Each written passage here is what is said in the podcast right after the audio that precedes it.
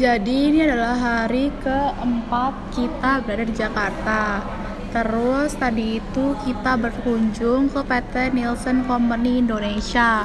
Nielsen Company Indonesia ini ada di Mayapada uh, Tower lantai 15F di Jalan Jenderal Sudirman dan berada di daerah Jakarta Selatan. Jadi Nielsen Company ini adalah suatu perusahaan yang bergerak di bidang informasi global. Dan uh, dia juga berfokus pada suatu penelitian serta melakukan suatu riset dalam memberikan suatu informasi. Baik tentang pemasaran, konsumen, televisi, serta melakukan riset terhadap media yang lainnya, seperti riset terhadap bisnis, publikasi, trade show, dan riset terhadap dunia online. Perusahaan Nielsen pun sering kita jumpai dalam melakukan riset terhadap media, Terlebih, masyarakat Indonesia cenderung mengakses internet dalam memenuhi kebutuhan sehari-hari. Nielsen pun merupakan suatu perusahaan yang selalu dikaitkan dan bergerak di bidang ilmu komunikasi, seperti dunia pemasaran dan periklanan, komunikasi media, jurnalistik, hingga hubungan masyarakat atau public relation. Nielsen pun memberikan suatu riset tentang gambaran konsistensi konsumen sehingga produsen dapat memahami psikologi, sosiologi, dan selera konsumen seiring berkembangnya Nielsen. Ia pun terbagi menjadi beberapa bagian yaitu Nielsen Consumer Research atau NCR, Nielsen Media Research NMR dan Nielsen Retail Measurement Service atau NRMS. Terus uh, PT Nielsen ini juga merupakan uh, fungsi dari perusahaan-perusahaan atau toko-toko yang ingin mengurangi resiko kegagalan di pasar serta memberi rating-rating ke program-program acara TV dan melakukan pengecekan kepada suatu branding. Di Nielsen sendiri ini ada tim Connect. Tim Connect ini adalah tim Consumer Research. Ada yang pertama ada tim RMS yang tugasnya memberikan data dari toko Alfamart, Indomart, toko kelontong. Jadi bisa tahu penjualan botol per bulannya berapa. Gunanya untuk mengetahui apa yang lebih disukai konsumen perusahaan. Jadi perusahaan itu membeli data dari Nielsen biar bisa tahu penjualannya sudah baik apa belum.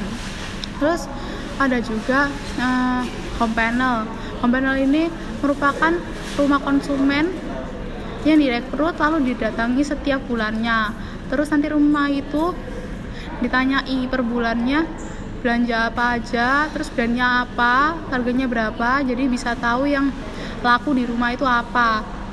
Terus bisa tahu juga seberapa bagus penetrasi penjualan uh, suatu produk tersebut dan juga berapa banyak uh, konsumer membelinya setiap bulan. Terus ada yang ketiga itu consumer research consumer research itu adalah uh, kenapa semakin sedikit yang beli terus apa aja yang harus dipertimbangin untuk membuat research yang baik. What is marketing research? Marketing research itu tuh uh, salah satu alat untuk menjembatani hubungan konsumer dan marketer. Dan siapa yang membutuhkannya? Who do we need insight? Misal kita satu perusahaan yang mau launch produk baru. Kira-kira uh, varian atau rasa apa yang akan kita pilih untuk mengeluarkan produk makanan kita nih misalnya. Terus kita kan pasti akan melakukan survei dulu ke konsumen. Kira-kira konsumen sukanya rasa apa? Jeruk, strawberry atau kiwi? Jadi setelah kita mendapatkan data dari konsumen kita mengecek dari semua data itu dilihat apa keunggulannya dari produk yang sudah ada sudah ada sebelum-sebelumnya. Misalnya jika kita punya kopi kita mau launch varian baru mochaccino terus kita melakukan produk test kemudian kalau misalnya produk kita itu kalah sama produk orang lain jadi kita tuh nggak usah nggak usah nge-launch uh, produk tersebut karena sudah kalah sebelum dikeluarkan. Jadi hmm, harus punya hipotesa flavor mana sih yang disukai dan uh, apa yang unggul dari kompetitor. Terus ada uh, marketing research metodologi. Ini yang pertama adalah apa yang mau kita analisis terutama? Tentukan dulu analisis plannya terus breakdown analisisnya nanti mau kayak gimana. Terus siapa yang mau disurvei? Orang tua anak-anak atau remaja atau siapa pun gitu umur berapa? Terus datanya valid apa enggak? Kriteria dan frekuensinya seberapa sering? Dan pilih yang paling besar coveragenya. Terus ada area sample size jadi kayak kita survei Jakarta dan kota lain itu kan pasti sampel size-nya uh, berbeda karena populasinya juga berbeda kan. Terus mesti dipertimbangkan juga faktor yang lebih ada source-nya atau lebih terukur dari uh, jadi tergantung dari respondennya male or female gitu. Terus uh, cara memilih respondennya seperti apa? Terus ada metode itu kapan kita harus memakai metode kualitatif dan kapan kita harus memakai metode kuantitatif. Nah, metode kuantitatif itu kan kalau misalnya kita pakai banyak sampel ada klaim contohnya 9 dari 10 wanita menggunakan merek ini. Nah, di Nielsen sendiri itu ada dua jenis data kuantitatif. Yang pertama itu ada sampling. Sampling itu yang penting mewakili dan nggak harus semua orang. Terus ada sensus. Sensus itu semua orang didata biar tahu um, male-nya berapa, female-nya berapa persen terus ada kualitatif. Kualitatif ini sampelnya lebih sedikit. Kalau ke kualitatif dulu sebelum kuantitatif benefitnya apa sih? Nah benefitnya untuk memperkuat datanya. Jadi menanyakan datanya itu lanjut sedetail mungkin. Terus uh, ada interview length. Berapa lama kamu bakal menanyakan survei? Kalau di Nielsen itu biasanya paling cepat 15 menit dari yang paling lama itu 2 jaman Nah, kalau misalnya mereka survei itu mereka juga bakal dikasih uang kalau misalnya nanya lama. Kalau misalnya cuma bentar aja palingnya cuma dikasih hadiah. Terus uh, tapi biasanya konsumen itu konsumen itu konsumen itu biasanya maunya yang dua jam soalnya mereka itu nggak mau rugi Terus kalau misalnya berdasarkan survei 45 menit pertama tuh orang sudah bosan buat di survei. Jadi bisa juga door to door atau keliling ke rumah, bisa juga face to face. Terus prosedur, prosedur itu kita minta datang ke kantor Nielsen untuk melakukan riset tergantung objektif kliennya sendiri. Terus uh, ada metode fine tuning study design ini tuh sedikit orang tapi lebar informasinya. Misal mau launch suatu produk varian rasa baru. Sebelum surveinya sebelum survei dilakukan lebih baik kita sampel yang kecil-kecil dulu. Kayak menengah orang orang menengah, orang muda atau orang tua. Jadi surveinya ke anak muda aja. Kalau misalnya hasilnya anak muda lebih besar ketimbang nanti kita buang-buang data juga. Jadi lebih baik pakai kualitatif saja karena lebih efisien terus ada juga refining questionnaire nah ini tuh bisa memberi alasan kenapa kita memilih hal tersebut. Kalau kuantitatif kan uh, uh, itu kan kita nggak bisa kan. Nah kalau misalnya kuantitatif dulu baru kita kualitatif gimana? Nanti akan dirujuk lagi ke target yang ada masalahnya. Jadi kayak uh, double double masalahnya. Terus uh, walaupun ada kualitatif dan kuantitatif sebenarnya dua-duanya tuh sama-sama baik tergantung dari objek researchnya tuh apa. Nah kapan sih Nielsen ini harus melakukan sensus? Jadi kalau kita nggak punya populasinya kita akan melakukan sensus. Biar kita tahu representasinya tuh seberapa gede. Worth it nggak sih? Dan itu semua tuh sebenarnya tadi tergantung dari objektifnya.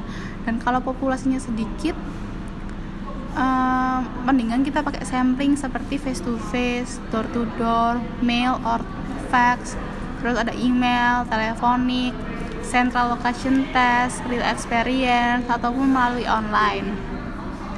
Nah, terus juga ada data analisis. Data analisis weighting itu memberikan bobot.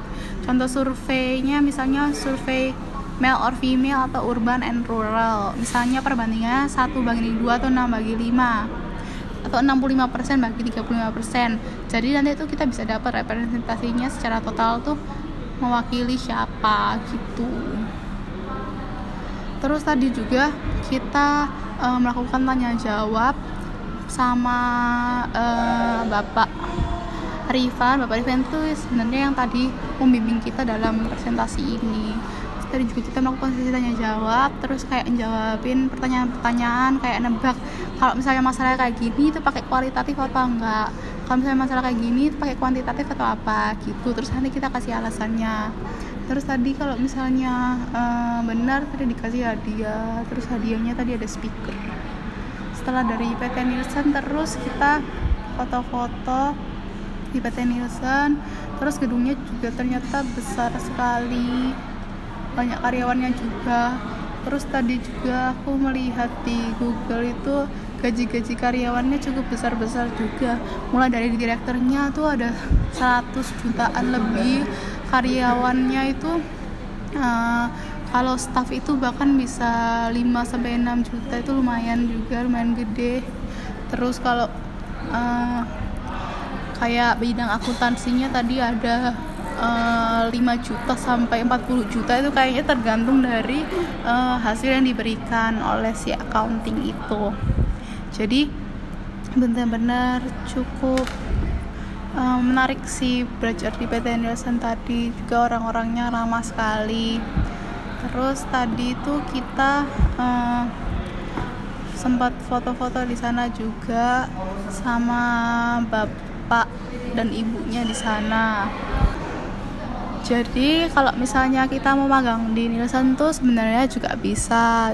Terus tadi juga kita dikasih tahu kayak misalnya kalau mau nyusun skripsi bisa hubungin emailnya Nielsen. Kalau misalnya mau ada info-info dari dia kita bisa minta. Terus uh, kalau misalnya kita mau uh, bekerja di sana itu kita juga harus memilih kita mau masuk ke bagian yang mana mau mendetailkan di bagian yang mana bisanya di bagian mana. Dan di sana tuh juga ternyata mereka tuh sering banget ngelakuin survei-survei kayak ke bank gitu. Nah kalau misalnya mereka ke bank itu mereka tuh sudah janjian sama atasannya tapi mereka nggak kasih tahu orang-orang atau karyawan-karyawan di banknya. Jadi uh, surveinya itu nggak nggak palsu. Jadi orang-orang tuh kayak nggak tahu gitu. Kalau misalnya orang-orang tahu ada ada yang mau survei ke bank kan pasti mereka bakal bagus-bagusin kinerjanya.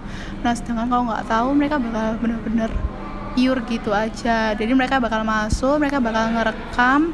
Nah ngerekamnya ini tidak pakai kamera tapi pakai uh, kayak tombol gitu kayaknya. Terus nah itu diarahin ke uh, orang yang melayani kita kayak gitu terus nanti hasilnya akan diberitahukan kepada uh, manajer kayak misalnya manajer dari bank tersebut.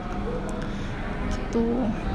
Jadi kita bisa tahu apa aja sih uh, keunggulan dan kekurangan kita. Kayak misalnya kita juga buat produk itu kan kita mau tahu produk kita ini kira-kira bakal laku nggak sih di pasaran. Terus kayak orang tuh bakal beli nggak sih produk kita? Kalau misalnya produk kita misalnya udah laku ini.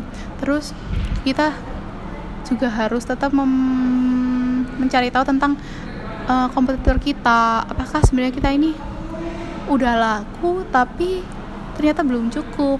Ataukah udah cukup? Jadi apakah punya kita ini lebih lebih unggul daripada kompetitor kita? Atau ternyata uh, cuman sekedar laku aja tapi belum bisa bersaing di pasaran gitu. Jadi kita ke depannya tuh masih bisa memperbaiki uh, apa produk-produk yang kita punya gitu. Jadi kayak misalnya kita takut misalnya kita uh, pengen buat produk tapi kita takut kayak produknya ini nggak laku atau gimana mending kita bikin dulu survei sebelum mengeluarkan produk tersebut. Nah surveinya itu ya tadi itu ada dua survei kuantitatif dan kualitatif. Kalau misalnya uh, udah tahu pasarnya tuh siapa dan maunya apa ya kita pakai saja data kualitatif supaya bisa um, merinci lagi kira-kira mereka tuh maunya barang seperti apa atau apa. Tapi kalau misalnya belum tahu ya kita pakai data kuantitatif dulu. Habis itu nanti baru kalau misalnya sudah mengetahui target pasarnya itu siapa baru kita pakai data kualitatifnya gitu. Jadi bisa tahu sedetail mungkin kira-kira kekurangan dan kelebihan produk kita atau apa yang disukai orang dan apa yang nggak disukain orang dari produk kita tuh kira-kira apa gitu. Nah eh, kira-kira ya itu aja tadi perjalanan kita di PT Nielsen. Nah PT Nielsen ini sendiri ada di lantai 15 ya teman-teman. Jadi kalau misalnya kalian mau berkunjung ke sana untuk uh, misalnya mau lihat-lihat uh, atau mau tanya-tanya gitu bisa langsung ke sana gitu terus uh, kira-kira ya udah sekiranya itu saja uh, cerita hari ini di PT Nielsen Sekian dan terima kasih.